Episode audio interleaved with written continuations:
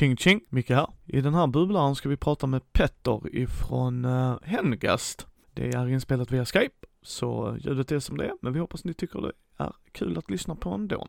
Då vill jag från Mindy säga välkommen till Petter Nallo, eller missar jag det ändå? Jag är jättedålig på namn. Jag ber om Nej, ursäkt, det tyckte du. Du sa, du sa mitt efternamn perfekt. Nallo, är helt korrekt. Du är en av grundarna bakom eh, rollspelsförlaget Helmgast. Det stämmer. Eh, hur kom det sig att ni grundade Hemgast om vi börjar där? Ja, eh, det har faktiskt att göra med rollspelet E.ON. Det är så att tidigare jobbade jag på Neo Games som, som gav ut E.ON och Neotech på 90-talet och början av 2000-talet. Och eh, vi började göra en ny utgåva av E.ON som skulle vara till Neo Games men kände att ja, vore det inte bättre om vi licensierade rättigheterna till E.ON av, av Neo Games och gav ut det här själv så vi hade typ kontroll på vad vi ville, ville göra med spelet. Så vi gjorde en deal med Neo Games och så var det så här, oj, vi måste, vi måste ha ett företag. Och så gjorde vi ett företag. Det var, det var ingen plan från början. Det var, det var lite så här, spelet kom först, företaget kom sen. Ja, det, ja okej. Okay. Det är inte kanske man så man brukar göra, men. Nej, nej, det var, det var inte så genomtänkt. Eh, eller planerat på det sättet. Men eh, sen kände vi att det här blev ganska kul och så blev det mer och mer personer som anslöt sig till det. Så det blev ett riktigt företag i slutändan. Ja, hur många är ni på företaget? Vi är sju stycken på företaget just nu som mm, jobbar på allehanda saker. Vi har ingen direkt vision med vad Helmegast ska vara. Det finns vissa företag som verkligen har den här vi ska ge ut den här typen av spel. Helmgast, vi är typ sju kompisar som Christer Sundelin, han gör ut sina grejer och vi Kultgänget gör ut vårt och E.ON-teamet och Neotech-teamet. Vi sitter på lite olika saker och ibland så är vi ju korsar vi över i varandras team så, men om någon får för sig att jag vill ge ut ett rollspel om barbarer och hårdrock, då är det så här, ja ah, okej, okay. kan vi väl, kan du väl göra. okej, okay. ja, det är en intressant take on it. Ja, jo, det, vi kan ju säga så här att vi det är liksom den här nivån som Helmgas ligger på. Vi har, vi försöker göra seriöst och fokusera på spelen, men vi har som aldrig tänkt det här. Vi gör det för det är skoj. Alltså alla inom Helmgast har jobb på sidan om och sen är det här vår hobby. Okej, okay. okej. Okay. Ja, ja, då blir du. Ja, hade vi varit så här, nu ska vi bli superkommersiella och verkligen fokusera på att hitta en profil och en riktning så då hade vi nog tänkt igenom det mer på vad är det för spel vi ska göra till vilken publik och allt sånt. Men nu är det mer everything goes. Ja, och det är det som gör det intressant för att uh, ni tog över flaggan då, E.ON, och det var ju för att ni ville fortsätta den ju. Uh, ja. Så om vi börjar med det spelet, för ni har ju gjort olika produkter, eller givit ut i alla fall. Du kanske inte varit med på allt, men E.ON, Järn, Hjältarnas tid, Noir och sen då Kult och sen kommer ju Troubleshooter. Jajamän. Uh, så men om vi börjar då på E.ON. Uh, eh, varför ville du fortsätta med E.ON? Alltså, vad var det brinnande där? Jag, jag har ju en sån här... Jag var ju inte med och skapade första utgåvan av E.ON. Jag kom in i E.ON och vid andra utgåvan ungefär. Men jag köpte E.ON så fort det kom ut. Så E.ON var på något sätt det första stora fantasyspelet jag började spela på allvar efter Drakar och Demoner. När äventyrsspel liksom blev Kronopia och försvann iväg åt något håll. Så jag har alltid haft en stor kärlek till E.ON och E.ONs värld och den här detaljrikedomen som finns i bakgrunden för hela det här spelet. Den extremt komplexa bakgrundshistorien och mytologin. Så att jag, det är som känns naturligt att jag har som en, en jag återvänder alltid till E.ON. Det kan gå så här fyra, fem år och sen så finner jag mig helt plötsligt att jag sitter och spelleder E.ON och börjar skriva på en bok till E.ON och sådana saker. Så det, det är bara en kärlek till spelet som gjorde att det kändes som att jag ville ta det vidare. Liksom. Jag och E.ON-teamet. Det är inte bara jag som har gjort det här. Nej, nej, nej. Det, det kan jag tänka mig med tanke på hur mycket text det är i böckerna, höll jag på säga. Alltså det känns som att det, det är nog ingen bäst man håller på med själv. Uh, för reglerna, hur ser de? Ja, om du skulle jämföra dem med då när ni tog över och den var det, för det är E.ON 4 nu, eller hur? Precis. Vi, ja. vi, jag var ju med och tillsammans med Marco Berman så vi satt ju och gjorde tredje utgåvan av E.ON. Dan Johansson var också med och skapade ett spelledarkapitel och sånt. Men det var jag och Marco som satt där på NeoGames gamla kontor en, en sommar och verkligen plöjde igenom och gjorde tredje utgåvan eh, som var väldigt lik första och andra utgåvan. Och vi kände med fjärde utgåvan var att vi ville göra ett spel som var E.ON och kändes som E.ON men var kanske lite mer modulärt och lättare att använda så att vi gjorde vissa saker som för att snabba upp det men försökte behålla alla saker som är kvar med de dödliga striderna och rollpersonsgenereringen där du slumpade fram dina karaktärer och allt sådant. Och ha kvar settingen och världen och på något sätt. De som har köpt massor med E.ON-böcker, det finns ju en stor mängd av dem, ska inte känna att allt det som har haft tidigare är liksom bortkastat. Liksom, utan allt det ska vara användbart på ett eller annat sätt. Och att världen ska ändå hänga ihop. Så, men, men, men regelmässigt så vi skrev om allt från början. Vi, vi, det finns nästan ingenting kvar. Det finns nog ingenting kvar från tidigare utgåvor av E.ON i fjärde utgåvan. Fast allt är fortfarande i E.ONs själ om man säger så. Hur, hur kändes det då? För där är ju fans och sen är där ju fans inom kaninöron ju så att säga. Där är ju vissa purister som inte vill, ja, vad ska man säga, det ska inte ändra sig alls. Nej, jag, jag vet, men, men jag tror att vi lyckades väldigt bra. Det finns fortfarande ett fåtal personer som verkligen älskar E.ON 3 och vet de har spelat, eller E.ON 1 till och med. Det är de som sitter och spelar på första utgåvan och har spelat i ja, men, 20 år. Finns det de som har spelat. Och som, som inte vill vet, konvertera sina karaktärer och allt sånt. Och det kan jag absolut förstå. Men vi fick ju väldigt bra respons från våra fans. För att jag tror att vi, spelet känns fortfarande som E.ON. Det går bara snabbare det, och, och spela strider är inte lika utdragna. Du behöver inte sitta och hålla koll på exakt hur mycket du blöder varje stridsrunda eller hur utmattad du blir för varje attack. Eh, utan allt är på något sätt kondenserat på ett mycket, enligt mig, då, smartare sätt. Eh, vilket gör att spelet känns som E.ON. Och du använder fortfarande sexsidiga tärningar och du har, eh, du har tärningar som exploderar, de här OB-tärningarna som du kan slå med och det kan, du kan, en dolk kan, kan döda en riddare om du bara träffar rätt. Liksom. Så, så när, du, när vi har, för det, och vi speltestade mycket så att för att det verkligen skulle kännas E.ON, det skulle bara gå mycket snabbare. Liksom. Ja, för sen har man ju i alla rollspel, så är det ju också, Uh, vissa har ju bara text. De har jag extra svårt för att läsa. Det blir rätt så här. Jag vill vila ögonen på lite illustration. Det har ni i Eon. Men hur var tankarna där? För att man vill ju att det ska passa produkten ju. Eon har ju, alltså, eftersom det är ett gammalt spel, det har ju, det har ju haft ganska många olika typer av illustratörer. Vissa bättre och vissa lite sämre. Och det har nog haft att göra med hur mycket tid och budget det har funnits. Eh, till, till Eon 4 så funderade vi ett tag på vilken stil vi ville ha och vi kom fram till att vi ville ha ändå färg, några så stora färgbilder, men sen ville vi ha mer svartvita skisser som mer i detalj kunde visa upp delar av spelvärlden och delar av den här kulturen och folkslagen. Så uh, hittade jag då en, en, en konstnär som heter Per Sjögren, som, eller Perkan kallades han, kallas, som jag tycker är extremt duktig på att lyfta fram känslan av, eh, i, sina, i sina illustrationer. Man kan som se alltså det finns en tanke bakom allt på karaktärer och platser. Han har lagt till så här små detaljer. Han förstår som att han, han är en rollspelare själv, så han förstår som att han skapar en värld.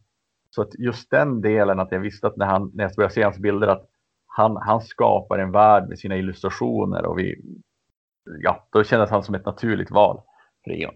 Ja, för jag, jag tycker den är snygg och grann. Alltså jag tycker det passar. Nu har jag inte läst allt än jag har väldigt mycket rollspel som du ser bakom mig men uh, jag har ju köpt det så det, det ska ju fram någon gång och jag, jag älskar att läsa rollspel också. Så att. Men ni har ju lite annat utformande på era böcker. Jag har ju haft lite problem att trycka in det i hyllan om vi säger så. Uh, de är någon, aningen större än kanske standardmått inom kaninöron på böcker. Hur kom det sig? Eon menar du? Det är väl en, är inte det A4-storlek här för mig? Det, det är inte letter-storlek i alla fall, men, men vi, jag tror vi häller oss till A4. Lite så här tråkigt svenskt på något sätt.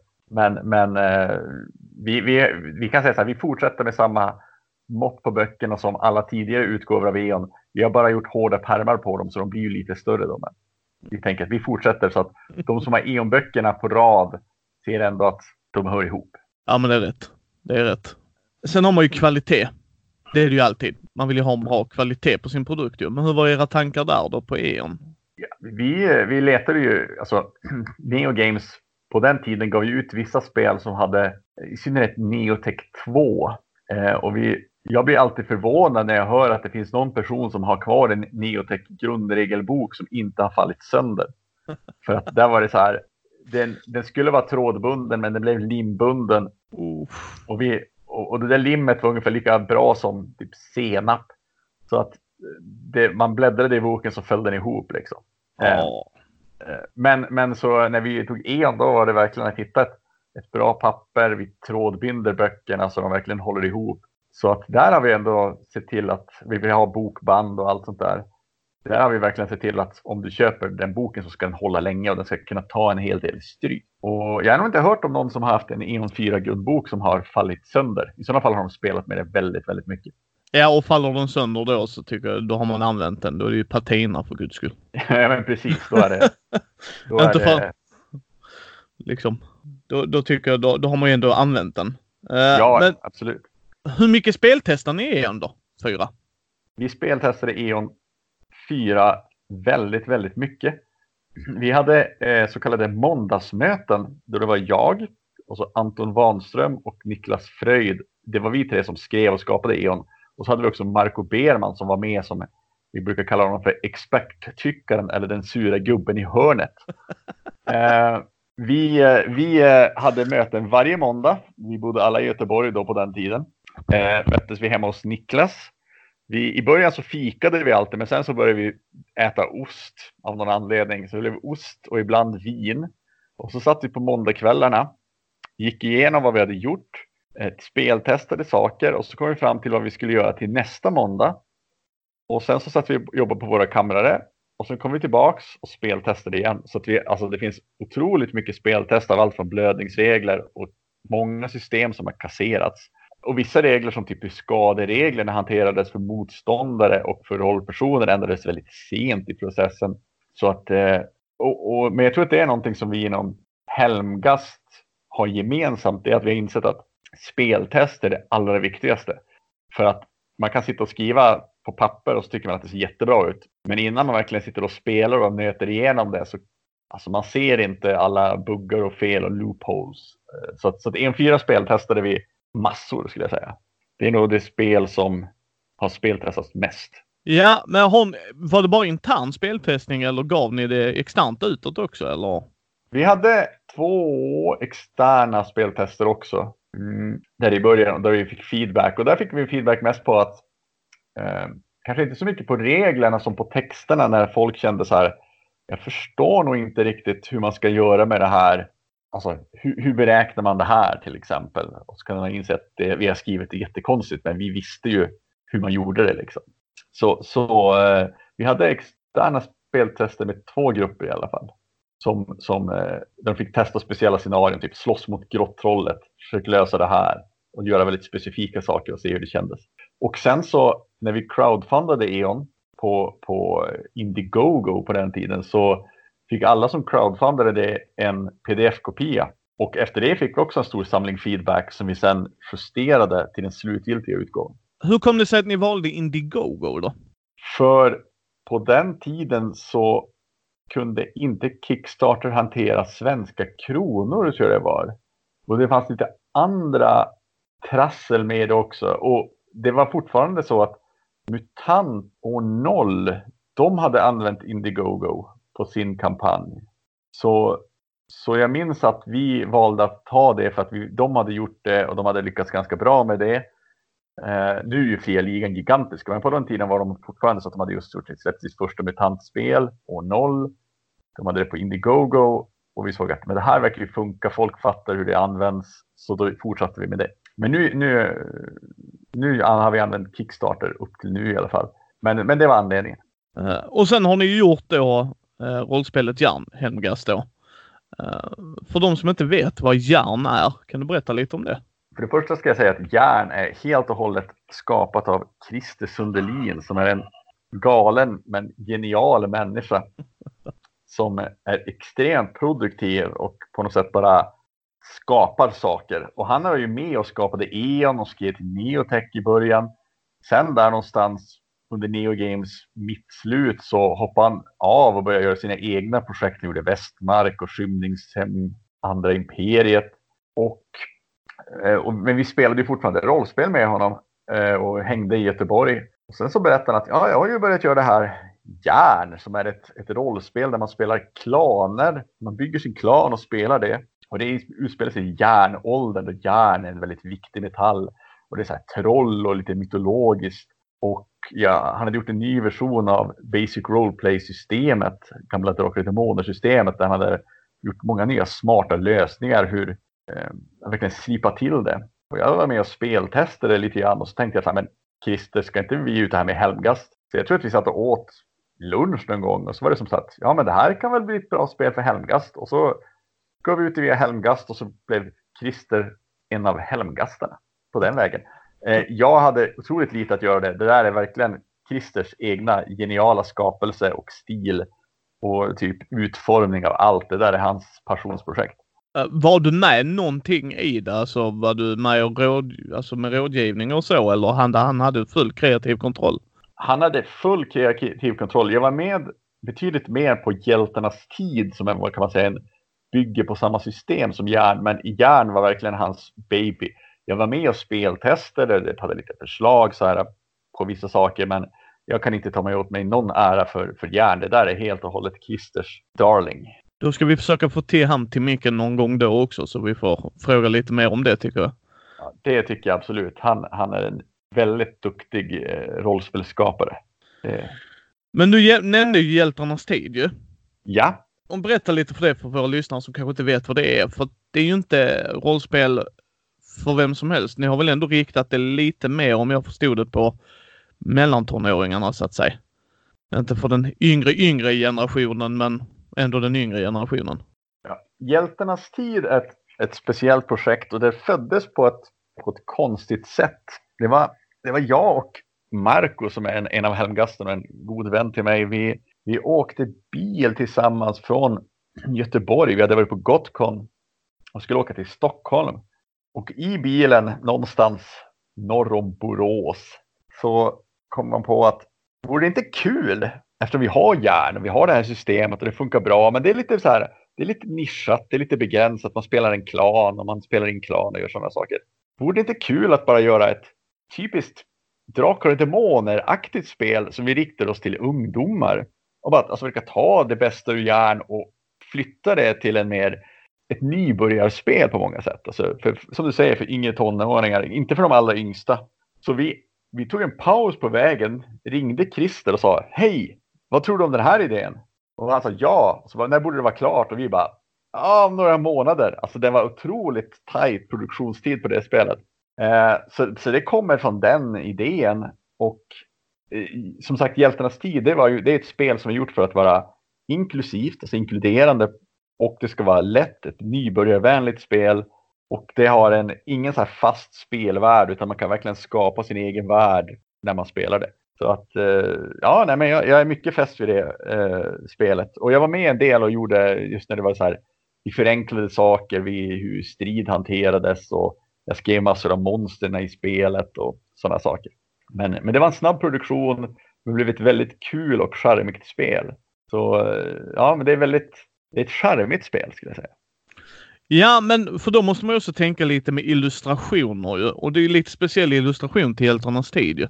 Var du med när det snacket gick eller det var någon annan som Boop, det tar ni hand om så sticker jag och gör andra grejer. Ja, så att det, säga. Där var, det, där var, det där var Christer. Redan, redan i järn så var han inne på att han ville ha en annan stil. Inte anime-aktig och inte realistisk. Eon, där gick vi ju på så realistiskt vi bara kunde för där skulle det verkligen kännas gritty och dark och dark, men gritty i alla fall. Men han ville ha den här lite mer sagokänslan så, så han pratade ju med Ronja Melin och, hans, och John som, som satt tillsammans och började skapa massor med illustrationer till spelet och de har en väldigt unik stil. Men det där är igen, det är Christers känsla för hur de skulle se ut. Så eh, jag, jag, kan inte ta åt mig någonting för detta. Men jag, jag, jag, tycker det, för just den typen av spel tycker jag det passar väldigt väl. Ja, ja, jag tycker liksom det är ju väldigt ingivande. Eller vad ska man säga? Alltså, det säljer ju lite på ett sätt. Det ska ju vara lite mer nischa. Alltså det är ju för den yngre tonåren när uh, inte den yngsta, liksom då funkar det ju inte att ha kanske Kult eller uh, nej, de andra. Nej. Jag kan säga, illustrationerna till Kult hade väl en annan historia. Man kan säga att det märks skillnad om jag skulle bestämma illustrationer i ett spel och om Christer Sundelin skulle beställa, bestämma hur illustrationerna ska se ut. Men, men, man anpassar sig såklart till vad det är för spel och vilket de är riktade till. Och, ja, men det var bara en distinkt stil. Det blev skärmigt. Men var du med och speltestarna i Hjältarnas tid eller? Oh ja, men det var jag med. Vi, vi, jag minns att vi hade en vi speltestade regler och med så dussin motståndare där jag hade strid uppe på ett torntak i något vinterlandskap bland annat och provade de olika äh, yrkena och, och folkslagen där. Och alltså det var inte alls lika mycket speltestat från min sida som E.ON, men det togs ju fram otroligt mycket snabbare. Det byggde på ett redan existerande regelsystem som var järn och som i sin tur byggde på BRP så att mycket av de sakerna i reglerna visste vi funkade. Liksom. Ja, det var bara den tweaken bara se så att det fungerade. De ändringarna vill göra då antar jag.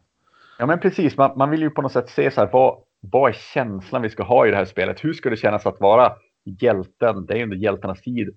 Hjälten som slåss mot tio personer på ett tak liksom. Och du ser att de här tio underhuggare till skurken. Okej, okay.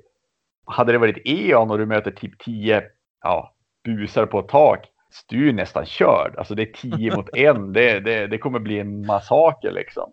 Men, men i hjältarnas tid, det skulle vara lite cineastiskt. Så då satt vi och testade det och så var det så här, nej men det här var lite för svårt. Vi ändrar om lite, skruvar om och så bara testar vi igen och så bara, ja, ja men nu börjar det kännas bättre. Så man sitter ju och finslipar för att få rätt känsla.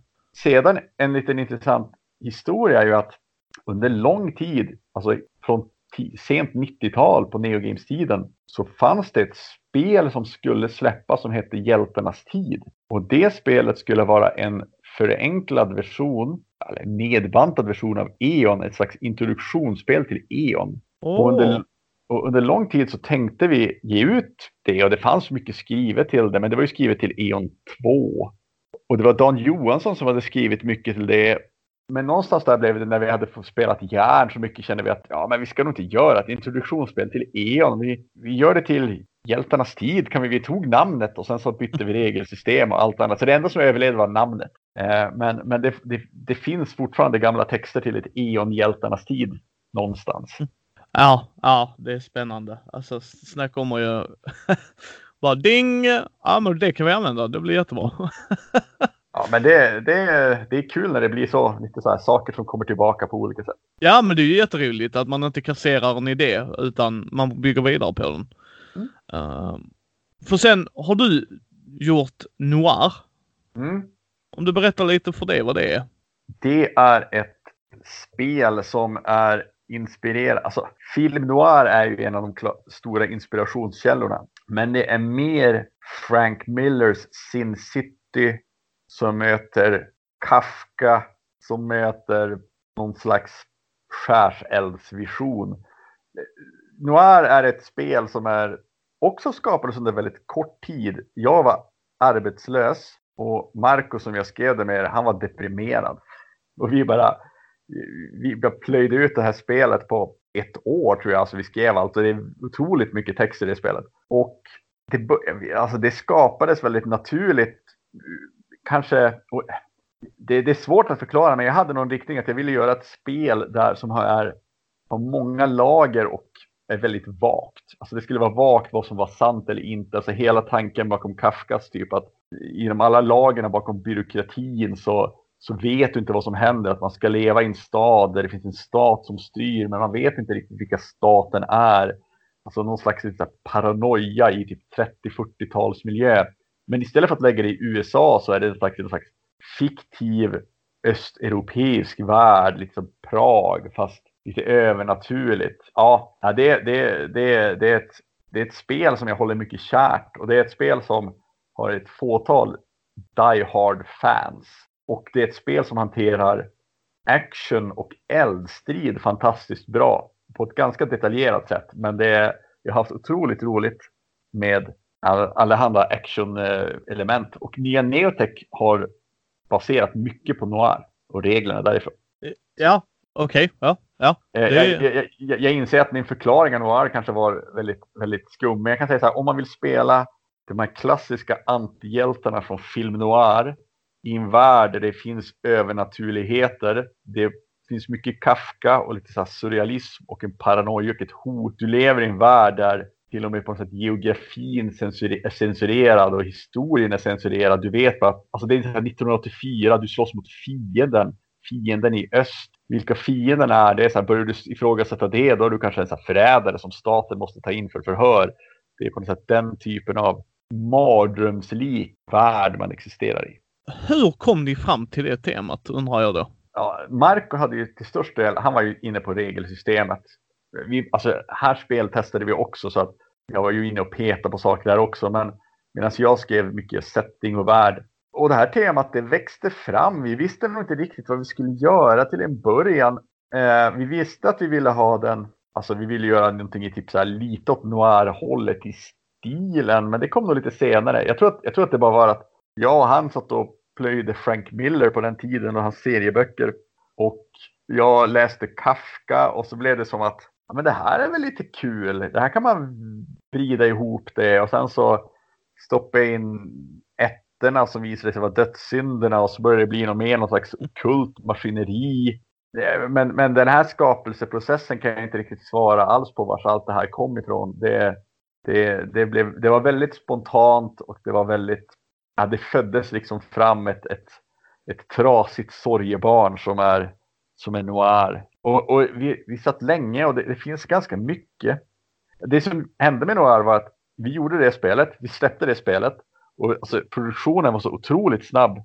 Så både jag och Marco var typ så här helt slut efteråt. Så det var så här, nu ska vi göra böcker till noir. Och vi kände bara så här, uh, nej, vi, vi orkar inte. Men vi, vi började, det finns faktiskt en, en, en eh, började, Marco började på en fortsättning som heter Syndens diplomater som är noir fast en fortsättning på det. Så det, det, det, det löper i tiden korrekt liksom. Lite längre fram i tiden. Och eh, det speltestade vi mycket också, men det, det blev lite lagt på is. Men det, det är ett sånt här projekt som kanske ploppar upp igen om några år, vem vet. Hur, hur tänkte ni då på illustrationerna till det spelet också? Ja, illustrationerna, det var, det var där har vi ju så här, vi ville ha spelet, det skulle kännas lite svartvitt, noirigt. Eh, med en sån här grönaktig, svagt grönaktig ton på allt fick vi. Eh, och vi ville ha den här, alltså det hade mycket att göra med illustrationerna. Vi hade en som hette Alf Svensson, inte Kristdemokraternas före, dela, före detta ledare utan illustratören Alf Svensson. Som, och han var så här, ja jag vill, jag vill eh, må, måla så här hårda män och fala kvinnor och vi bara absolut.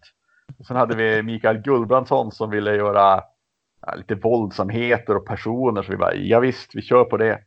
Men, och vi hade massor med referensbilder så här med eh, men som sagt, det var mycket Miller, det var så här Bogart-filmer, det var Tita von Teese, det var, det var den stuket. Så det finns mycket, mycket hårda typer med vapen och, och i mörka städer. Det, det var som en eloge till hela den genren liksom. Eh, väldigt mycket eh, väldigt mycket på något sätt traditionella könsroller alla 30-40-tal liksom. Och, och, väldigt tydliga arketyper med ja men, ja men du vet den här alkoholiserade eh, privatdetektiven och fem, fem fatalen och polisen och du vet hela den här eh, rollerna man ser, tänker sig i sådana såna filmer och historier.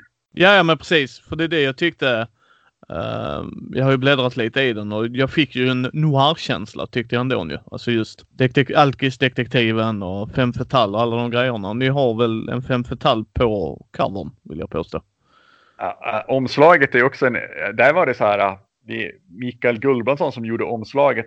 Alltså vad ska jag för omslaget? Vi fick så här, men vi vill ha ett ansikte på omslaget. Och så vi, vi bara, här är det en bild på Dita von Teese. Det ska se ut så där ungefär. Och så bara, ja, Dita Von Teese är ju den här äh, modellen och burleskartisten. Hon är ju typ så här femme fatale i sitt, sitt utseende och stil.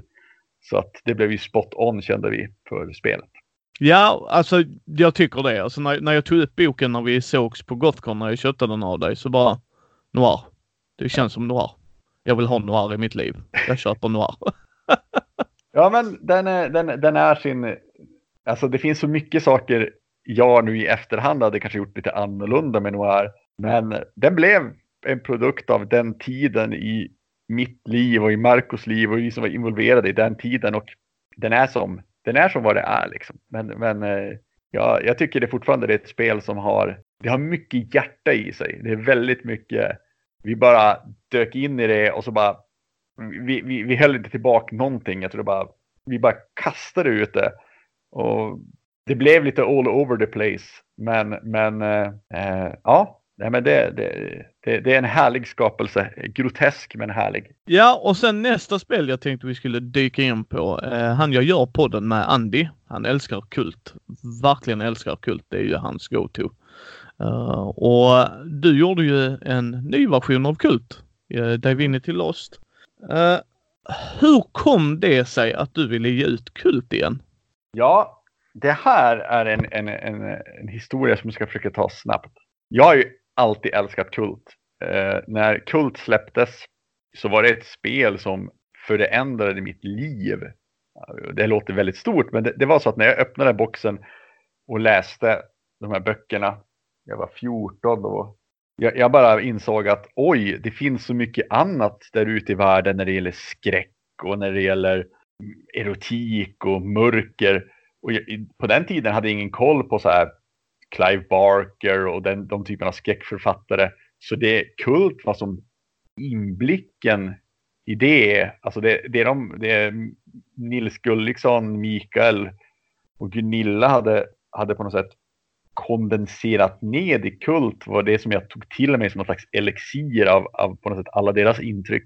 Så jag har alltid älskat Kult. Jag spelade inte så mycket kult på den tiden dock, för jag tror att vi inte riktigt, det bara, brukade bara urarta i så här våldsamheter. Alla gjorde någon så här storstadssamuraj med en, med en eh, automatpistoler och ljuddämpade k-pistar och sen så skulle man spela någonting seriöst och så slutade det med att det blev eldstrid och så, ja, det var typ så det gick. Men jag har alltid älskat spelet och när jag var i Göteborg, det här var efter Noir, så träffade jag en person som heter Robin Liljenberg och vi spelade Apocalypse World med honom. Och så sa han att jag har eh, gjort en moddad version av Apocalypse World. Det var ett väldigt tidigt stadie. Han hade gjort typ två eller tre arketyper. Och, så där. och tänkte att man skulle kunna spela kult i det. Och både jag och Marco tyckte så här, det här lät coolt. Så vi testade det och jag blev helt fast och kände bara så här, men det är ju så här man ska spela kult.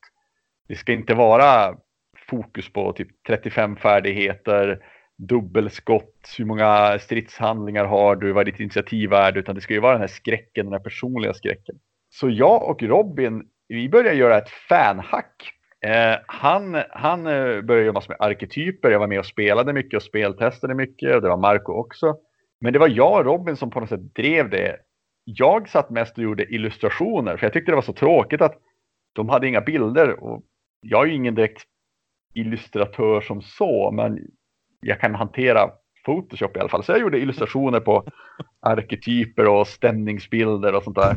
Men, och vi spelade mer och mer och så ett tag kändes det som så här att, men ska vi inte testa och bara se om vi hade fått ut, får ut det här? Kan, vi kanske kan få licensen. Så då vi satte ihop, jag och Robin satte ihop ett presentationsmaterial och Marco hade kontakt med Fredrik Malmberg som hade rättigheterna. Som Fredrik Malmberg som startade äventyrsspel.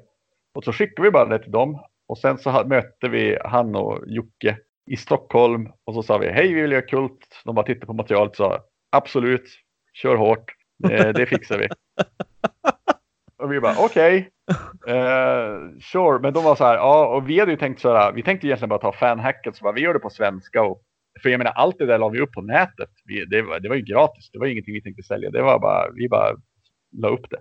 Men han bara, ja fast vi vill ha det på engelska. Så vi bara, oj shit, vi har aldrig gjort ett spel, ut, ut ett spel på engelska. Men visst, och så började en lång, lång process där vi började på allvar gå in i kult och där vi började finslipa reglerna och så började vi fundera, okej okay, men hur ska en ny utgåva vara? Och Robin, han var ju den som höll tag i hela regelbiten medan jag tog mytosen och skrev om allt det och försökte få på något sätt föra in kult i från 90-talets städer till 2000-talets 2018-talets städer. Så, så, så det var hela processen. Eh, men det var en lång process. Den var givande och jag, eh, jag är väldigt, väldigt nöjd med slutprodukten. Tyckte den blev väldigt bra. Jag eh, köpte ju allting av dig när du stod där mer eller mindre på Gothcon ju av en anledning. Jag eh, har hört otroligt mycket gott om Kult och älskar skräckrollspel överlag. Eller just där, du vet, här okulta och det. Och, eh, så det var liksom en no-brainer för min del. Men det var rätt intressant att höra att det var Fredrik Malmberg som ville ha det på engelska. uh, för det är ju vissa som vill ha tillbaka det på svenska ju. Jo, jag, jag vet. Uh, och spelet skrevs på svenska. Det kan vara värt att säga. Vi, vi skrev det på svenska och sen så översatte vi allt. Så det finns en svensk version av Kult. Men och vi har funderat på om vi ska göra någonting med den. Vi får se. Men det är också så att under tiden vi skrev allt vet, och översatte det så var, satt man sen och redigerade saker och pillade så att det är ändå så att den i synnerhet bland reglerna och sen är det så att den engelska versionen har kommit längst. Vet, där, där har man finjusterat allt. Liksom. Men, men kanske någon gång. Ja, vi håller ju tummarna. Eh, illustrationer här igen. Hur tänkte ni då? Ja, jag hade en ganska, jag hade en tanke på hur jag ville att spelet skulle se ut. Eh, jag gillade verkligen första utgåvan av Kult med sina collage i början av varje kapitel. Och som små, små bilder in typ skjutet i mitten av texten som små block som man bara gav en hint av kultvärlden. Men jag visste att jag ville göra det i färg och spelet när jag skrev det och världen när jag skrev den så ville jag dra bort den från den här mer Alltså det är så här taggtråd och rakblad och lite så här Clive Barker-skräck med köttkrokar och rostiga industrier och tog den mycket mer mot en, en, eh, en, eh, den här religiösa känslan. Jag ville att det skulle kännas som en på något sätt galen religiös bibel. Min, min, jag minns när jag pratade med Dan Alstrand som gjorde layouten, ett fantastiskt jobb på layouten. Jag sa att jag vill ha, det ska vara, ska vara guldtryck, eller vill ha guldfärg. Och han bara, men då trycker vi med guldmetallic. Jag bara, ja, det blir jättebra. Och det ska kännas som en, en blandning av en ortodox bibel och en dildo med guldtopp. Alltså det ska vara någon slags det ska vara det, det här religiösa och det extremt profana samtidigt som ska mötas. Ja, där har ni en bild gott folk. men men, men eh, eh, en, en, en stora skillnad var egentligen att jag kände att ja, men jag skulle faktiskt vilja att vi visar bilder på varelserna. För, alltså det, det finns ju massor med groteska väsen i, i Kults värld och från Kults många världar. Men de har riktigt aldrig riktigt illustrerats. Jag kände ändå att det är alltid en risk när man ska illustrera monster att det kan bli lite tacky. Men jag kände att nej, men jag, vill, jag skulle vilja att vi, vi ser dem. Vi ska se, det ska vara som i Hellraiser, vi får se monstren. Liksom. Eh, men att vi porträtterar dem som ganska groteska men vackra. De ska vara som gudomliga väsen som vi ska se dem. Så de har alla fick glorior kring sig och de har klassiska poser från ikoner och sådana saker. Och gick väldigt hårt på att försöka hitta den här blandningen av det vackra och det avskyvärda, helst i samma bild. Så man ska bli liksom så här äcklad men samtidigt lite fascinerad. Det var på något sätt målet med, med den, den delen. Ja, ni gav ju ut en sån uh, limiterad utgåva, special edition grej, som är som en bibel ju. Uh, ja. Hur kom det sig? Mm. Det, var, det, det var bara en idé som vi satt, satt i kontor i Stockholm som vi hade lånat Helmgast har inget kontor som så, utan, men vi hade lånat ett kontor och, och så hade vi ett möte där vi pratade om kult, speltestade lite saker. Och så tyckte jag så att för att det hade blivit så religiöst, så sa, varför, varför gör vi inte en bibelutgåva? Det var ju coolt att ha det som en bibel. Det vore ju snyggt. Och så kan man bara ha det som lite guldsidor och tunna papper och inga illustrationer. Och så sa ja men det, det, det gör vi. Det, var, det, det var, hade ändå fått en sån, hela spelet hade fått en sån religiös, spirituell vibb redan där så det kändes bara naturligt att det fanns en lite mer och, och det, folk har älskat den. Vi, vi, hade vi vetat att den skulle bli så populär hade vi tryckt upp många fler för de typ sålde slut direkt. Så ja, nej men det var, det var bara en sån här. Äh, varför, varför gör vi inte så här? Ja, kan vi väl göra. Okej.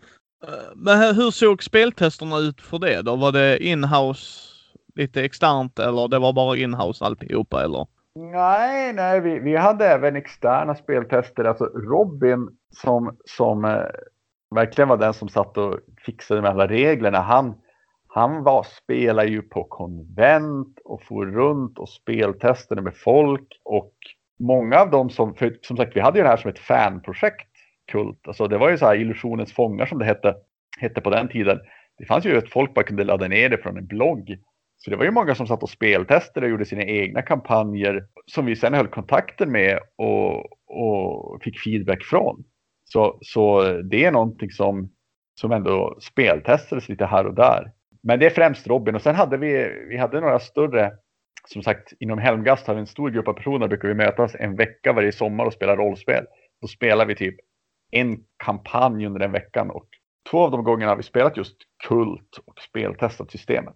Det låter otroligt härligt med en hel veckas rollspelande. Ja, otro, ja de är fantastiska. Vi, vi, det är den mest minnesvärda kampanjen så körde vi i Grängesberg på tidigt 90-tal. Mycket bruksortsångest kan man säga.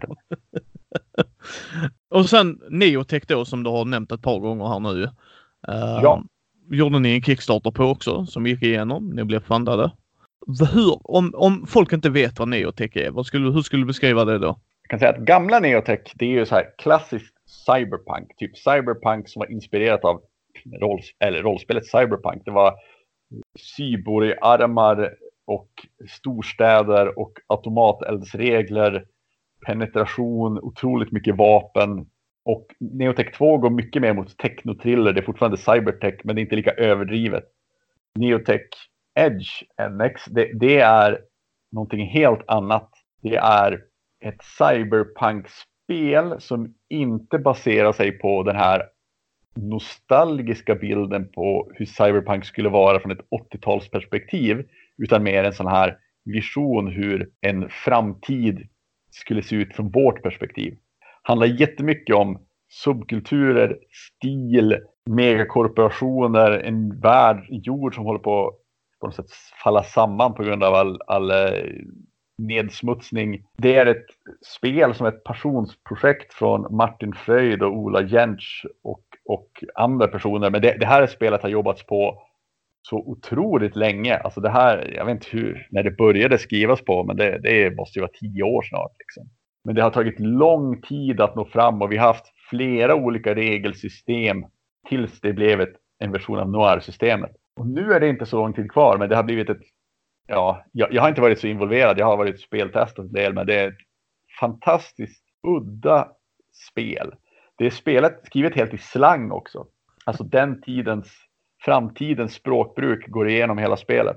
Eh, totalt sinnessjukt, kommer bli fantastiskt och jag tror det är väldigt annorlunda än något annat cyberpunk-spel som finns ute. Och väldigt, väldigt snyggt. De har verkligen lagt ner jättemycket tid på illustrationer och och det, alltså det känns som en reklammodul från en weird framtid där du kan köpa uppåt tjack i en godisautomat. Liksom. Det, det, är en extrem, extrem skapelse um, som, uh, ja, de har gjort ett jätte, jättebra jobb. Verkligen, verkligen fantastiskt. Jag, jag, jag, jag, önskar ibland att jag kunde ha en del av den där störda kreativiteten som, som de har lagt in i det där spelet.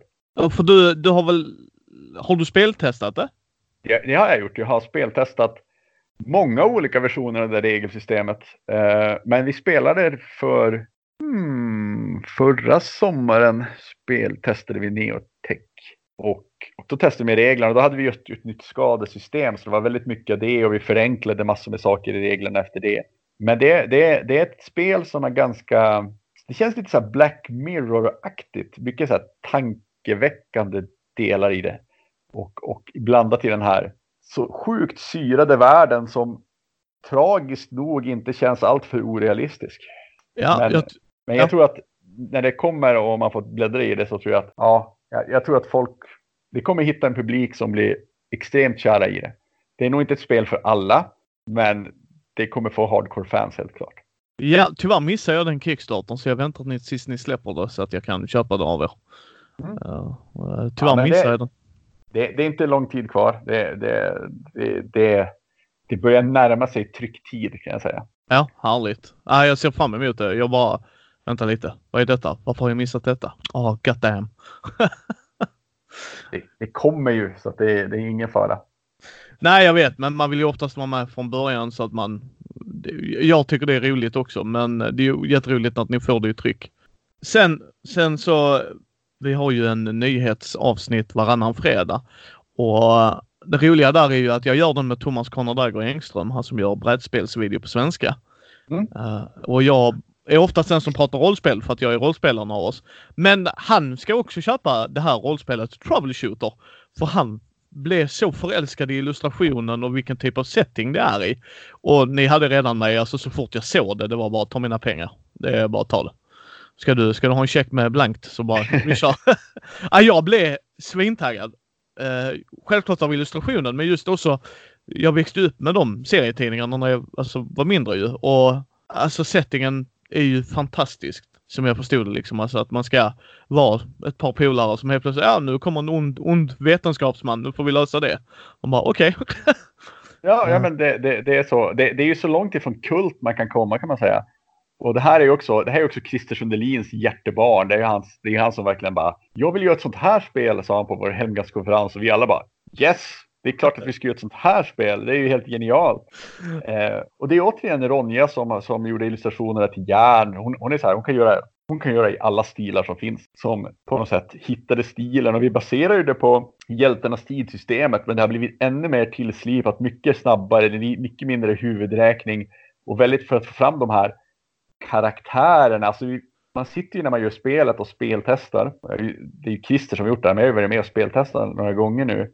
Jag försöker få känslan så här, men känns det verkligen som det skulle göra i de här böckerna och albumen? Alltså känns det som typ Tintin, känns det som Spiro, känns det som, så bara, nej, okej, men varför gör ni inte det? Jag så bara, ja, men om det hade, om det hade blivit så här istället, bara, hur kan vi få till för att funka så? så? Så sitter man och tweakar lite, testar lägga in nya saker och så bara, ja, men nu känns det bättre och så fick man hitta att nå dit så att man kan på något sätt förfylla fantasin av vad spelet är. Ja, jag är ju så taggad på det. Jag, jag bara längtar tills ni släpper den på Kickstarter så att jag kan gå in och ge er alla mina pengar mer eller mindre. Jag är supertaggad. Nej men alltså det var... Eh, och det roliga där tyckte jag var också att Thomas själv sa Även om han inte får det till bordet så vill han äga den. Han spelar inte så mycket rollspel. Ah, han typ bara spelat ett par gånger tror jag. Så. Uh, och det gjorde mig extra taggad också att även han bara, jag visste du skulle ta ut det, nu pratar vi, jag vill ha det. ja, ja, men jag, jag, jag tror att eh, det, det, det har en sådan, jag skulle säga att det är ett spel som har en fantastisk charm. Det är ett charmigt spel som man blir glad av att spela. Man sitter som och så här, småler hela tiden. Eh, det, ja, det, det är en fantastisk känsla. Det är inte så här kult där man sitter och bara har ångest och bara nej. Det, nej, och bara, åh, det, det är trauma. Men, men eh, det här är mer ett, ja, men det är ett spel som man kan verkligen sitta och spela och, och bara ha ha en good time. Precis, alltså det var lite det jag fick känslan av också när man läste att det skulle vara så här high adventure, alltså verkligen så här Tintin-stil och eh, jag som sagt ser fram emot det. Vi brukar här innan vi kommer till dig som person Petter. Mm. Hur, vad, vad, kommer vi få se mer förutom Troubleshooter i framtiden nu från Helmgast? Oj. Puff. Ja, för det första så kommer det ju mer saker till E.ON. Vi, vi har ju snart kommer Strid finnas ute i butik. En massiv modul med vapen och stridskonster och rustningar på Ja, den är, den är gigantisk och en magibok om hur man använder magi i E.ON som också blir... E.ON-böcker blir ju så här katastrofstora. Det är så här, det, det är så här passionen bakom E.ON. Vi bara, vi borde göra tunnare böcker och sälja dem. Det tjänar vi mer på. Så bara, ja, fast det är ju coolt om vi får med det här också. Så bara, ja, men det är det. Så bara, exploderar de. Eh, så blir det troubleshooters och det blir en hel del till kult också som kommer.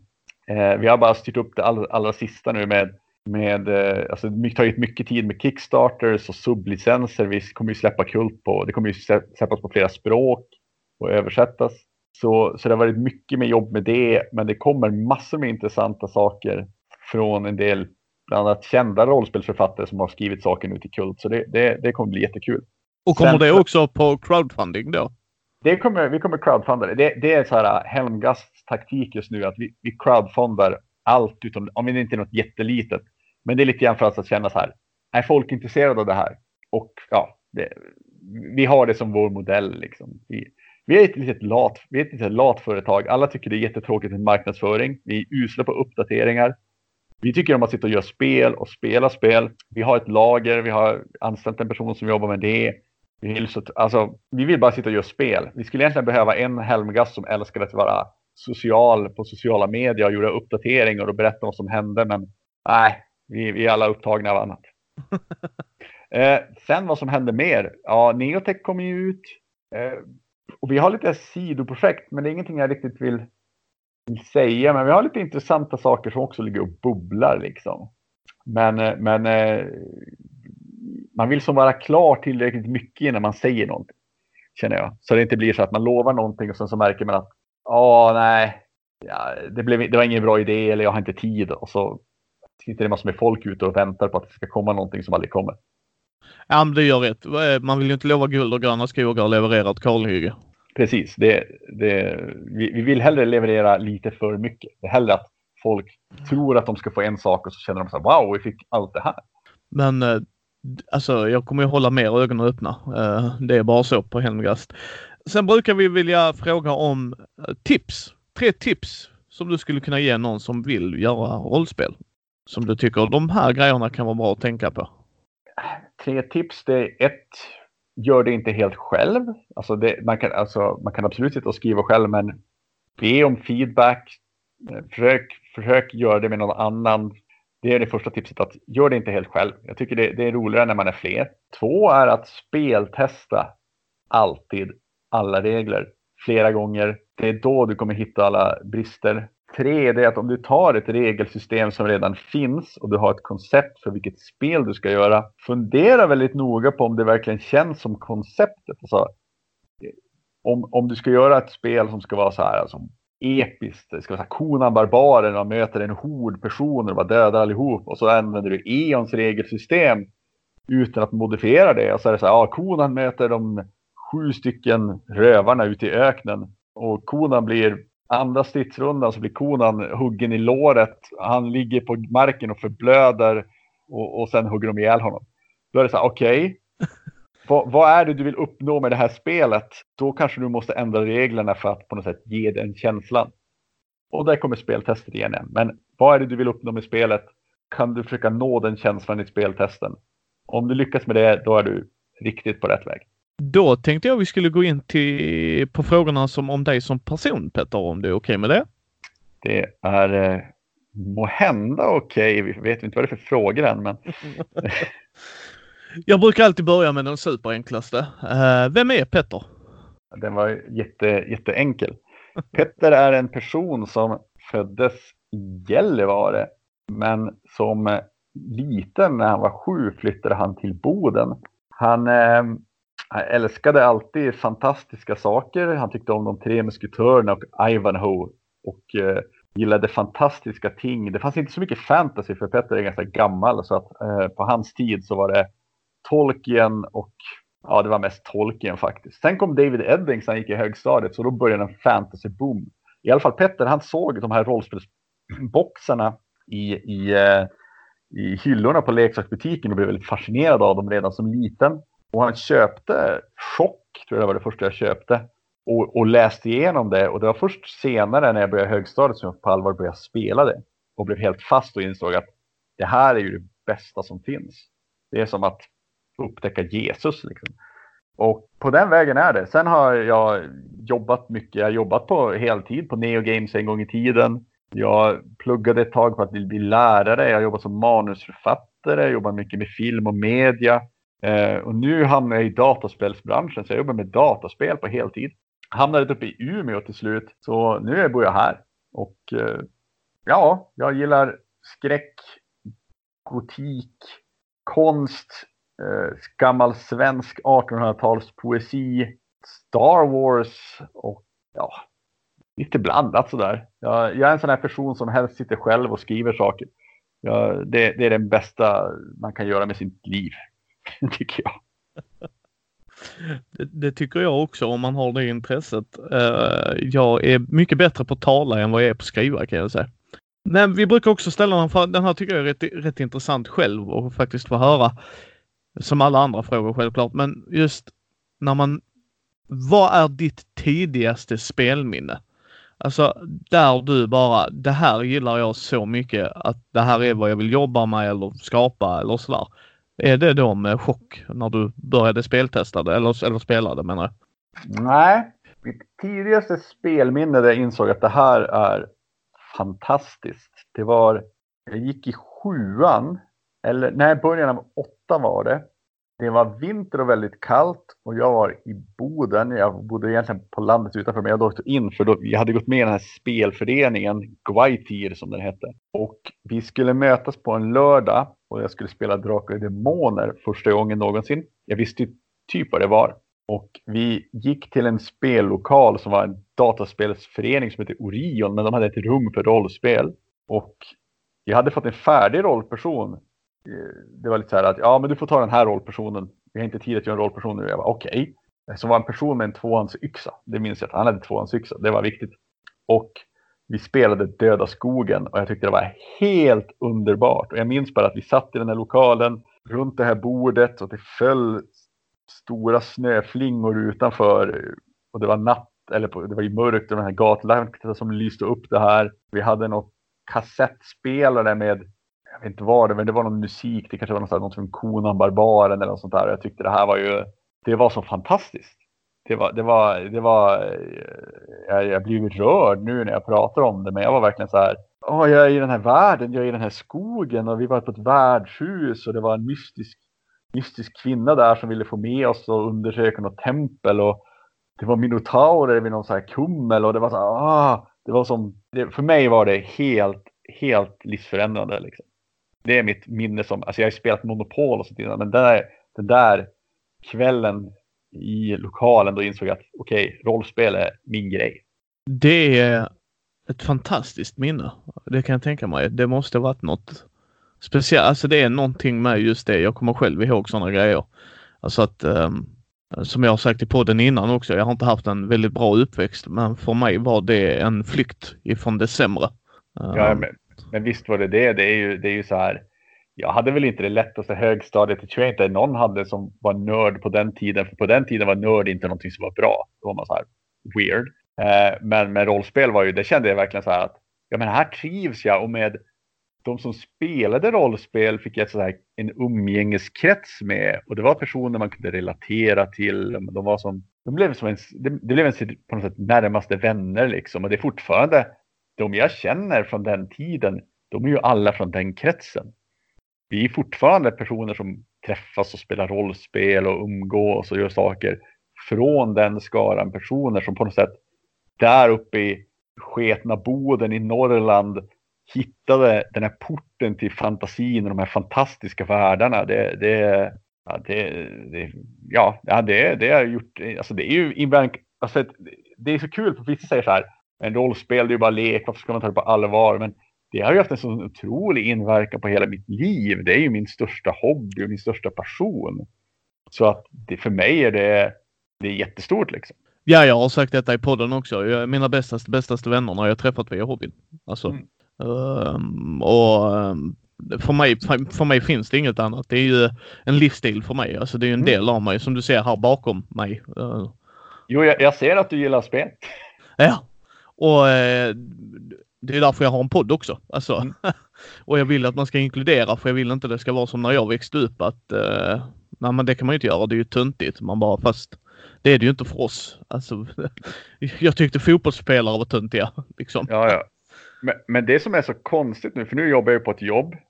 Jag jobbar i på ett spelföretag, men det är många yngre där. Jag är ju en, ändå en av dem som är, jag är ju 42, så jag är ju några av de äldsta på studion. Men de tycker rollspel är svincoolt. För de har spelat World of Warcraft och massor med datarollspel och allt sånt. Och, de, och nu med så alla actual plays som de lyssnar på. Det finns flera som inte spelar rollspel men lyssnar på när rollspelsklubben, sitter och spelar Kult eller Drakar och Demoner och tycker det är jättekul eller ser på actual plays. Så jag spelar rollspel för folk som aldrig har spelat rollspel men tycker så här. Jag vill spela rollspel. Det är ju svincoolt med rollspel. Det är lite så här pretentiöst nästan. Jag bara oh, shit, vilken, vilken förändring. Ja. Men, men, eh, men fantastiskt. Alltså, det är jättekul att det har blivit så. Liksom. Sen brukar vi, eftersom vi är en bräd och rollspelspodd, så tänkte jag fråga, spelar du brädspel? Det gör jag. Men, men jag är en sån här person som när jag spelar brädspel så sitter jag alltid och bara, fast ska vi inte spela rollspel istället? Det här är ju som... Eh, ja, men, men i synnerhet vissa brädspel som jag, jag spelade en del Imperial Assault. Så här. Nu spelar det Star Wars, jag älskar Star Wars. Och vi har ett brädspel och vi har figurer och så sitter man och så bara, vi ska storma en bunker och så bara sitter man och spelar det och så bara, men det här skulle vi ju kunna köra i typ Star Wars D6 eller det hade blivit mycket mer spännande och bättre liksom. Varför sitter vi med ett brädspel? Alltså lite så. Men, men eh, jag, det finns vissa brädspel som jag tycker jättemycket om. Jag tycker jättemycket om Gloomhaven till exempel. Det, ja. det har jag spelat. Det har jag spelat mycket på jobbet och det är ett väldigt bra designat brädspel. Så att, men alltså ja, ja, jag spelar brädspel, men det blir lite så här. Nu har jag tid. Ska jag spela brädspel eller ska jag spela rollspel? Och då är det så här. Även om det är så här. Vill du spela cyberspace med rollmaster-reglerna från tidigt 90-tal eller det här nya hippa brädspelet. Jag bara, ja, jag vill spela cyberspace från 90-talet för det är ändå rollspel. roligare. Ja, det är ändå rollspel. Det är ändå så här. Ja, jag älskar det. Men eh, när du mot förmodan spelar brädspel, är du Ameritrash eller Eurogamer? Vet du vad jag menar då? Eh, nej. Nej, Ameritrash och tematik är viktigare än mekanik. Eurogamer och mekanik är mer viktigare än tematik om man säger så. Alltså mm. Eurogamer är kubputtarna kan man väl säga för enkelhetens skull. Ja, jag förstår. Jag, jag, jag är nog en som är mer för tematiken när det gäller, gäller brädspel. Det finns vissa som har fantastisk, alltså ta till exempel Pandemic, fantastiskt brädspel, följer alltså mekaniken och temat går hand i hand eh, jag tycker det är bara jättekul. Eh, Arkham Horror som det bygger på är också roligt, jag gillar det med. Eh, men när det blir vissa av de här Eurogamer-brädspelen kan ju bli lite matematiskt torra. Och så bara, det här är ett spel som handlar om skogsavverkning. Och så bara, ja fast det handlar egentligen bara om kuber som vi flyttar nu. Alltså, temat är jävligt löst lagt på. Eh, eh, jag kan nämna ett brädspel som jag också älskar som heter Cyklades. Cyklades. Cyklades kanske det uttalas fantastiskt spel. Det är otroligt kul med. De få gånger jag har spelat det. Men jag, jag älskar den mekaniken där man ska köpslå med gudarna och ah, eller ha aktion om det. Så mycket bra mekaniker i det spelet. Men vilket är det absoluta favoritbrädspelet då? Hmm. Det är jättesvårt. Jag skulle säga om man släcker ner belysningen man tänder massor med levande ljus och har någon lampa över bordet. Gärna en lampa med röd skärm så det blir lite så porrig belysning. Och så har man på så här Bram Stokers Dracula soundtracket i bakgrunden. Och så spelar man Fury of Dracula och försöker på något sätt leva sig in i, i, i boken. Då tycker jag nog att det är mitt favoritbrädspel. Om man verkligen går på den här känslan att man jagar Dracula genom Europa och försöker hitta honom. Det, det, det, det är nog den bästa upplevelsen jag har haft någon gång. Det är ett väldigt, väldigt bra spel. Har du provat Mansion of Madness? Jag har inte gjort det, men det är väldigt många som har tipsat om detta spel. Ja, second edition skulle jag tipsa dig att prova. Mm. Uh, faktiskt. Men vi, sen går vi på rollspelsdelen och vi brukar ha frågan spelar du rollspel? Men det är ju rätt uppenbart att du gör det, Petter. Ja. Så, men då ställer vi frågan som brukar följa efter det. Är du rull eller rollspelare? Jag är garanterat mer av rollspelarkaraktären. Jag, jag tycker det är väldigt viktigt att få fram, alltså för mig är det karaktärerna, att karaktärerna ska vara en del i historien och dramat och berättelsen. Det är det absolut viktigaste. Sen tycker jag att spelmekanik är väldigt viktigt. Att, att du har ett regelsystem som är kast eller bara inte funkar och är trasigt. Då får man ju modda det, men, men det, det, ja, jag vet inte. Jag har, ju, alltså, jag har ju spelat otroligt mycket E.ON och jag har spelat mycket Rollmasters och Dungeons and Dragons. Jag kan verkligen uppskatta systemiga system, men någonstans är det ändå dramat och historien som är det viktiga. Det är där för mig roll, alltså styrkan. När jag tänker på bra upplevelser i spel och rollpersoner jag minns eller spelarpersoner jag minns, för jag är en sån här som ofta är spelledare, så är det just när det blir de här starka scenerna. Så det här låter jätteseriöst. Det behöver inte alls vara så Bergman seriöst, men när det bara blir det här saker och ting ställs på sin spets. Sen kan ett regelsystem hjälpa till att skapa de här situationerna. Ett bra regelsystem kan skapa de här helt oväntade slumphandlingarna som man blir så här what? Okej, okay, coolt. Eh, så jag är absolut ingen sån som skulle vilja friforma. Det tycker jag är svintrist. Jag tycker så här friform, det är eh, uh, döda mig långsamt. Eh, men men jag, jag, jag är för dramat. Jag är en, jag är en eh, rollspelare i det, det fallet. Är du hellre spelledare eller spelare? Jag är ju oftast spelledare. Och jag tycker om båda. Men många gånger kan jag väl ibland känna när jag... Mm, jag, jag är nog 50-50 för att jag vill gärna göra både, båda sakerna. Jag vill vara spelledare men ibland så vill jag också bara... Jag vill komma till ett spelmöte. Jag vill ha med mig en dricka, några snacks och bara, eller en kopp kaffe och bara sätta mig ner och bara Gud vad härligt, nu ska vi få fortsätta spela det här och bara få uppleva de sakerna och tänka på min karaktär. Jag, jag gillar båda, jag kan inte besluta mellan dem. Liksom. Det...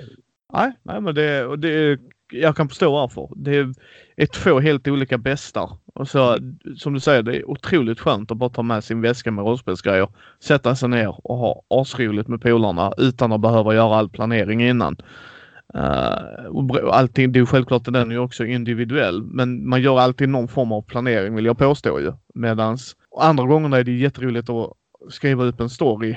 Så här, jag tänker mig att det här vill jag ska hända och sen bara göra ett samberättande. Mm. Uh, så jag håller med dig och jag tycker att folk som spe, spelleder ska prova att spela lite också för man får lite andra perspektiv med. Ja men det, det, tycker jag absolut och jag tycker att folk som spelar också borde testa spelleda för jag tror också då får man lite mer uppskattning för spelledaren och jobbet man lägger in på det också tror jag.